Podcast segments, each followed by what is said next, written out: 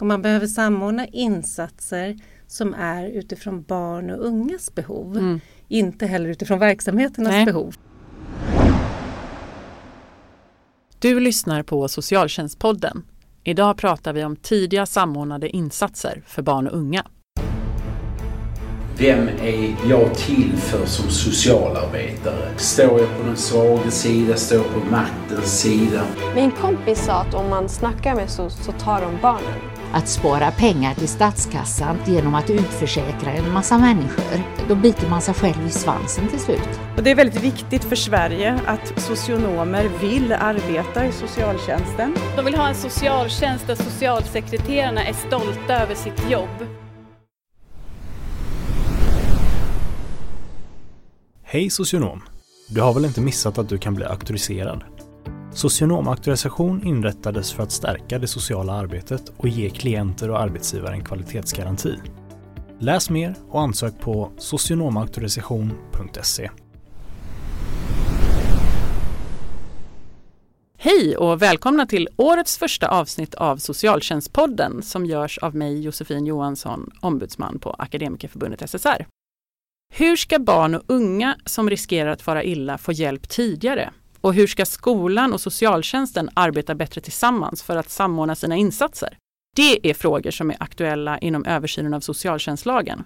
Det är också något som Skolverket och Socialstyrelsen arbetat med under de senaste tre åren. Vi har bjudit in Kerstin Bergman, projektledare på Socialstyrelsen och Ebba Silverstolpe Agard, projektledare på Skolverket för att berätta mer om det här arbetet. Välkomna hit! Tack! Mm, tack! Kan inte ni börja och berätta lite om bakgrunden till ert uppdrag och vad det är ni gör inom det här projektet? Mm. Det här med samverkan och samordning har man jobbat med en längre tid inom socialtjänst, skola, hälso och sjukvård och andra verksamheter. Men trots att man har gjort det så ser man att det finns brister. IVO har granskat, gjort en hel del rapporter där man har sett att det finns brister i samverkan och samordning mellan de här aktörerna. Och de som är inblandade i det här regeringsuppdraget är hälso och sjukvård, socialtjänst och skola. Och i och med att man har sett de här bristerna, att barn och unga bollas mellan verksamheter, det finns organisatoriska mellanrum, barn och unga får inte insatser i tid, så behöver man göra någonting. Eh, det är också så att regeringens nationella samordnare för den sociala barn och ungdomsvården, Cecilia Greve, såg liknande brister när hon granskade. Och regeringsuppdraget går ut på att förbättra samverkan, samordning mellan hälso och sjukvård, socialtjänst och skola. Man pratar i regeringsuppdraget om elevhälsa mm. men vi har breddat det till hela skolan för hela skolan har ansvar att jobba hälsofrämjande och förebyggande. Eh, och regeringsuppdragets syfte och det vi ska göra, vad vi har för uppdrag, det är att titta på framgångsfaktorer. Vad finns det för framgångsfaktorer? När fungerar det? När jobbar man bra? Med det här. Eh, vad finns det för hinder, strukturella och juridiska hinder? Vi ska också följa upp och utvärdera och sprida resultatet bredare.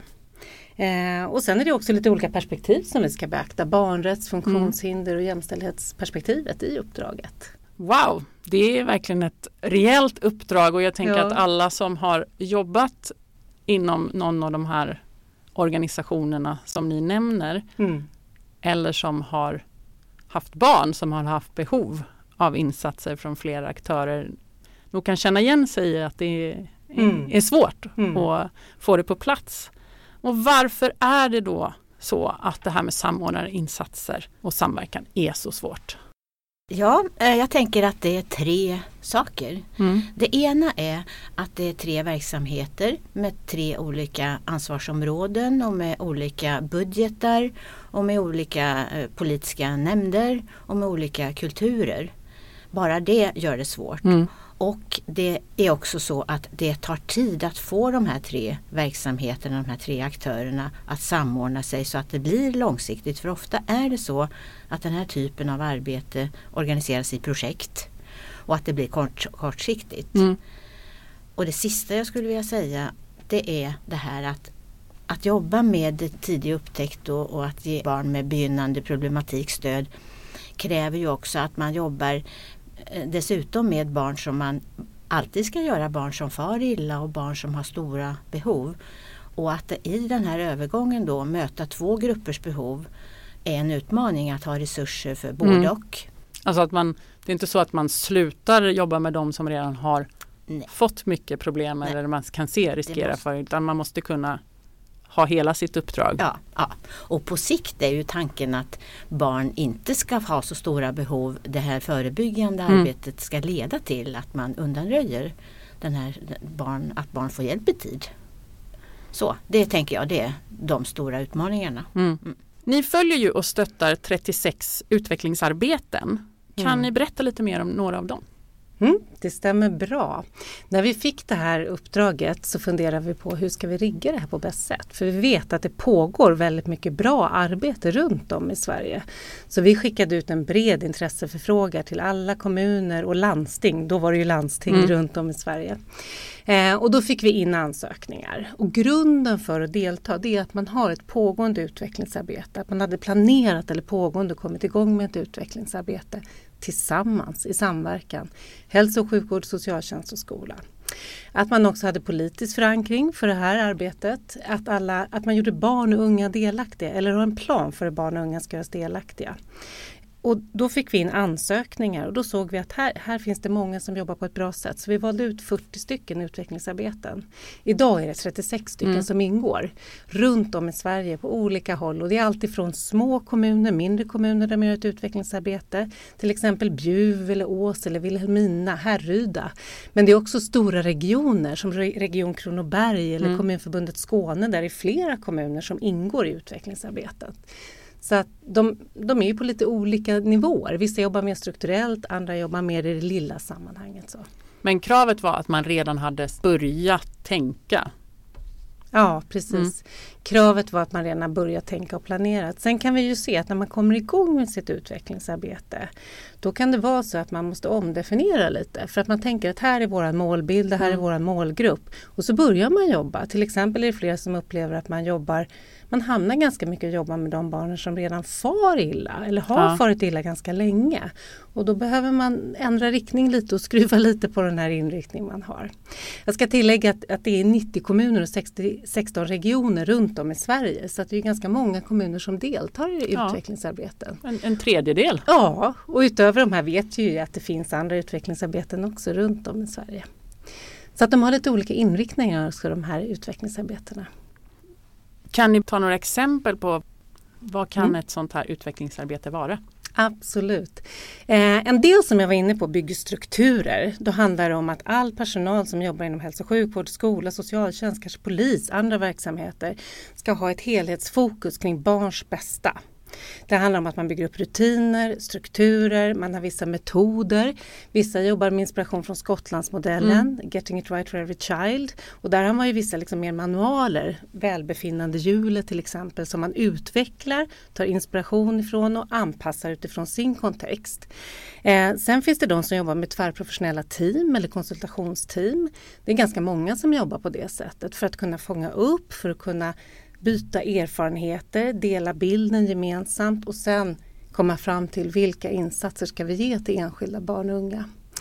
Det finns vissa som förstärker vårdcentralerna, primärvården. Man tar in till exempel en barnpsykolog som jobbar i samarbete med skolans elevhälsa och socialtjänsten för att säkra upp och tajta upp och för att också barn och unga och deras familjer inte ska behöva gå till alla aktörerna utan ha en väg in. Ehm, kan också nämna uppe i norr så har man hälsa, lärande, trygghet, sådana team. Det är också tvärprofessionella team.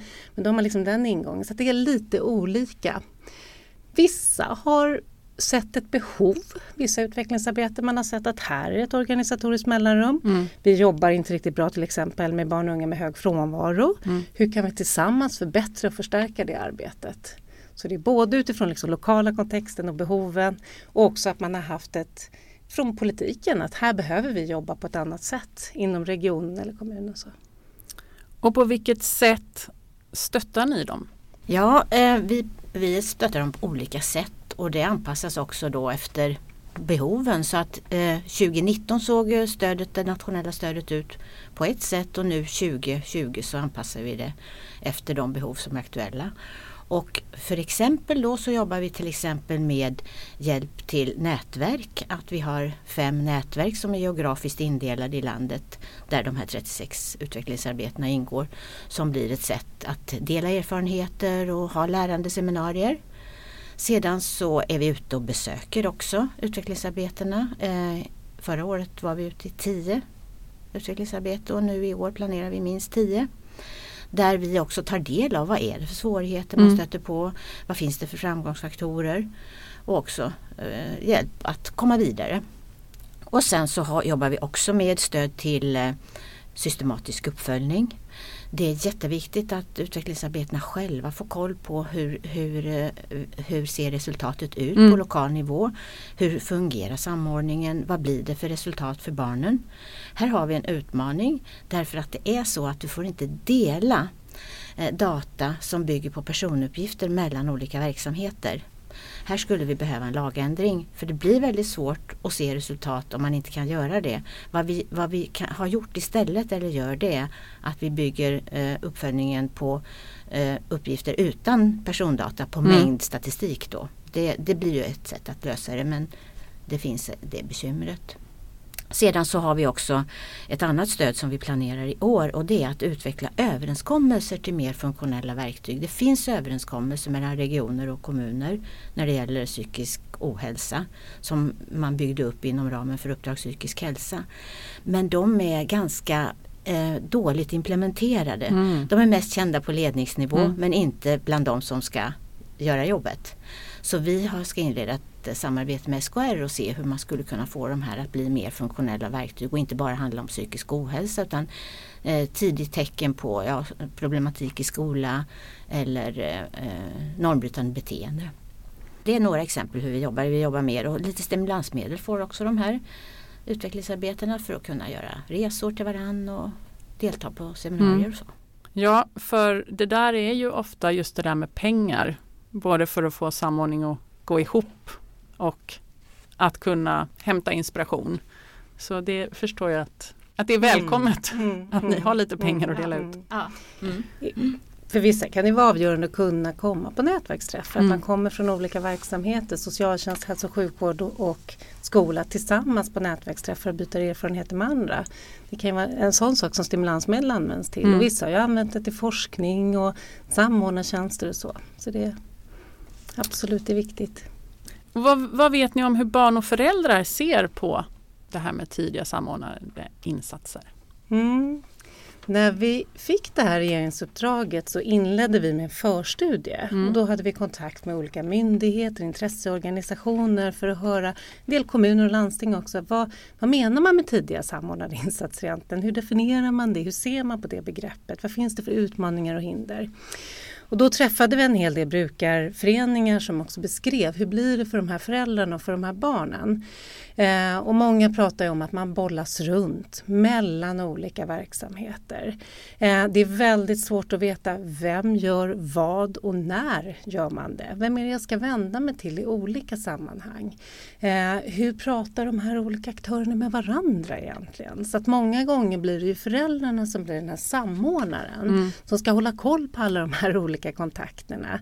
Och ibland får föräldrarna en bild av att ja, men de verkar ha lite kontakt med varandra och prata med varandra. Ibland får föräldrarna en bild av att de verkar inte alls veta om varandra Mm. eller veta att vi har kontakt med, med hälso och sjukvården till exempel i skolan eller i socialtjänsten. Så.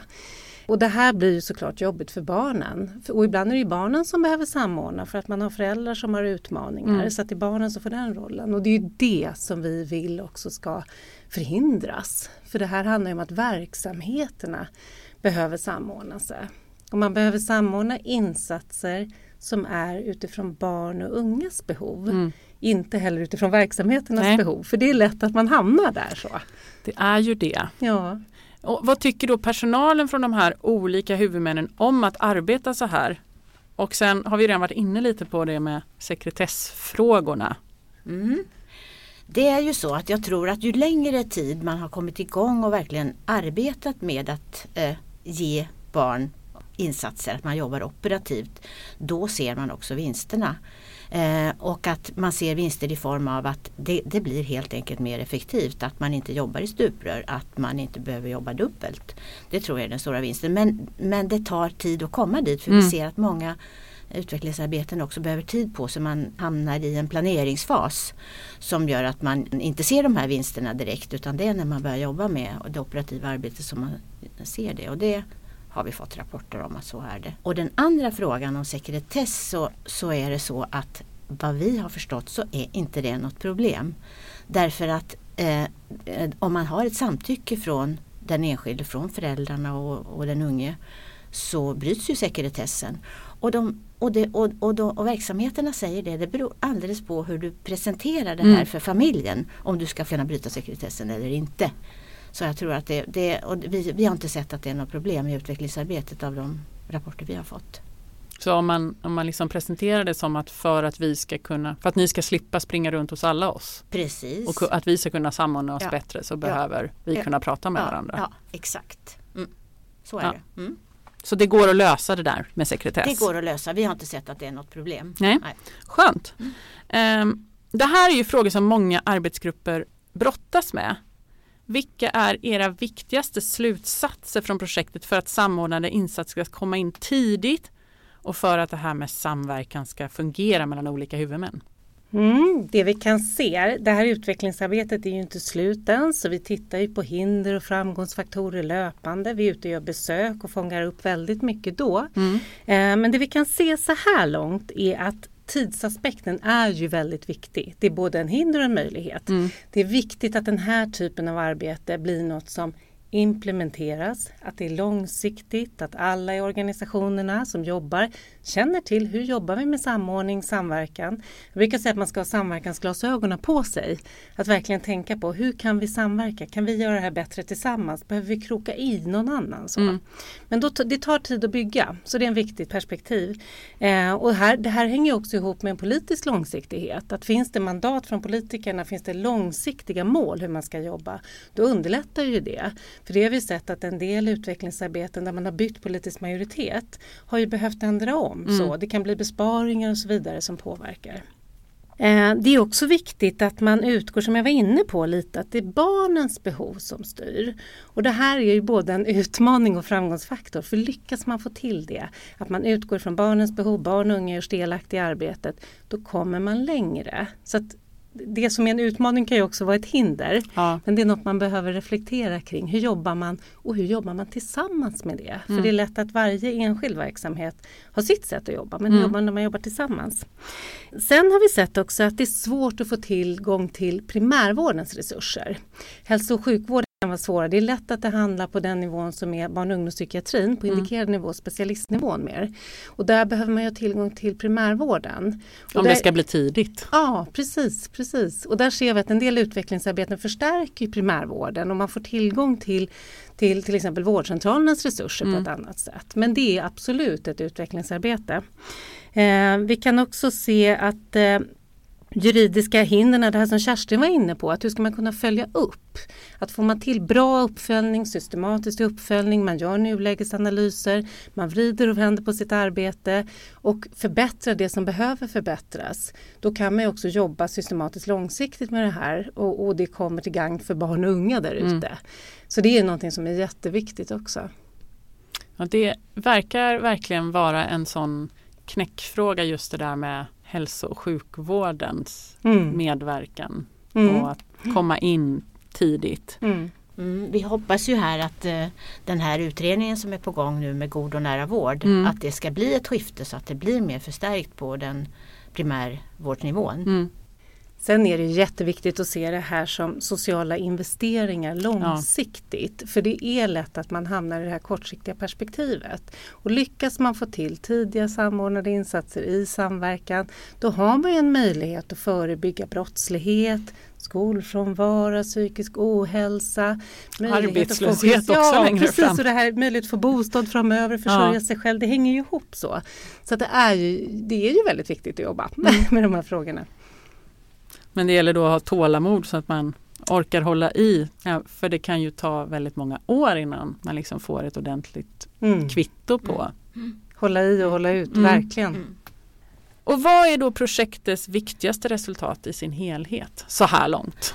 Ja, precis därför att vi är ju bara en bit på vägen så vi, säger, vi pratar att det är preliminärt lite vad Ja. vi ser. Men det är ju så som vi in, varit inne på att det behövs ett långsiktigt tänkande och vi vill också stödja utvecklingsarbeten att börja jobba mycket mer med sociala investeringar och att också man skulle behöva ha en, en annan budgethorisont än ettåriga Mm. budgetar.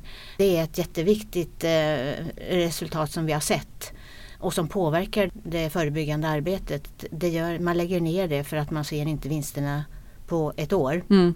Och sedan så är det också så att vad, vad vi ser det är ju att TSI uppfattas mycket av lösningen på stora samhällsproblem som psykisk ohälsa, skolavhopp och eh, normbrytande beteende. Skulle man få till det tidiga samordnade arbetet så skulle det kunna vara en del av lösningen på den problematiken. Mm. Och sedan det sista det är ju också det här skiftet att gå från att jag tycker även Socialstyrelsen har haft mycket fokus på myndighetsutövning när det gäller barn men att skifta och titta också mycket på hur kan vi förstärka det förebyggande arbetet. Hur kan vi täppa till mellanrummen så att barn inte behöver bollas runt och att man fångar upp barn på den selektiva nivån att man få- fångar upp barn innan problemen har blivit för stora och att den universella nivån där skolan finns också behöver vara stark men Mm. där kan man ju också se och fånga upp barn som behöver mer stöd än, än den universella nivån kan ge. Mm. Det tror jag är de viktigaste resultaten vi har sett. Vår bild på Akademikerförbundet SSR det är att vi nu har sett en snabb förändring från satsningar på socialtjänstens arbete med barn och unga till att kommunernas ansträngda ekonomi leder till neddragning på in- tjänster och insatser. Är det här någonting som ni har märkt i de projekten som ni följer? Och vad tänker ni att man kan göra för att värna de tidiga insatserna? Eh, De signaler vi har fått från utvecklingsarbeten, i och med att de finns i 90 kommuner så Mm. ser det väldigt olika ut i de här kommunerna.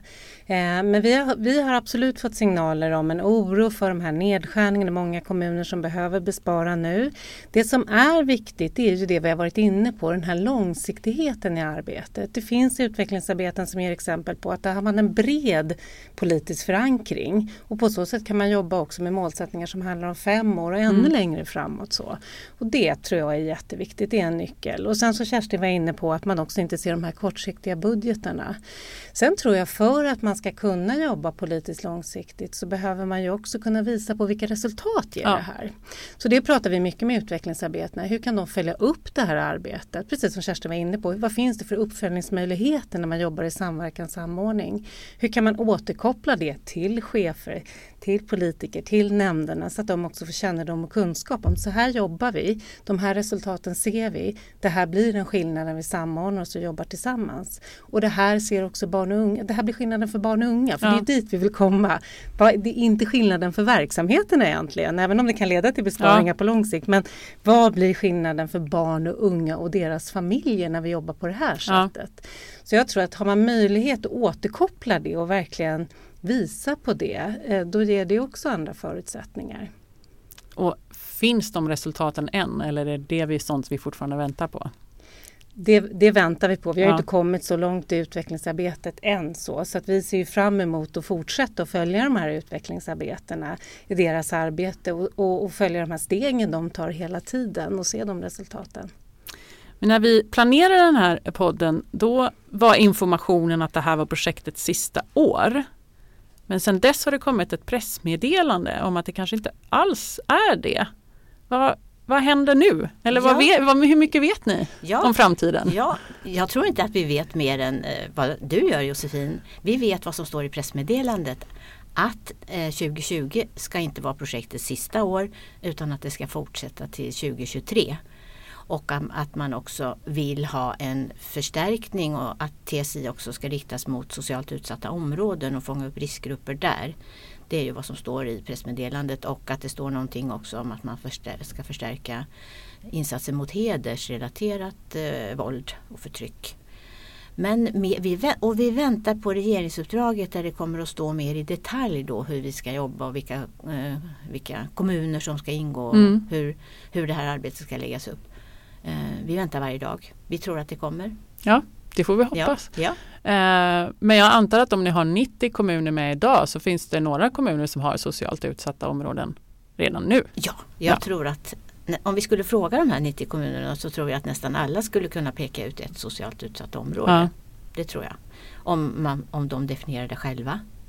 Sen finns det olika definitioner på social utsatthet. Mm. Men det tror jag att de skulle. Det är ju väldigt spännande då ifall eh, vi har fått någon mer information som vi eventuellt kan skriva med i en text när podden släpps. Precis. Tack så jättemycket Kerstin och Ebba för att ni var med här idag. Om fyra veckor då är vi tillbaka och då kommer vi vara lite i ett angränsande tema för då kommer Ia Sundberg Lax och Anna Lilje från Magelungen hit och berättar om sitt hemmasittarprogram just för att få barn och unga som inte går i skolan att gå mer i skolan. Och tills dess, tack för att du har lyssnat.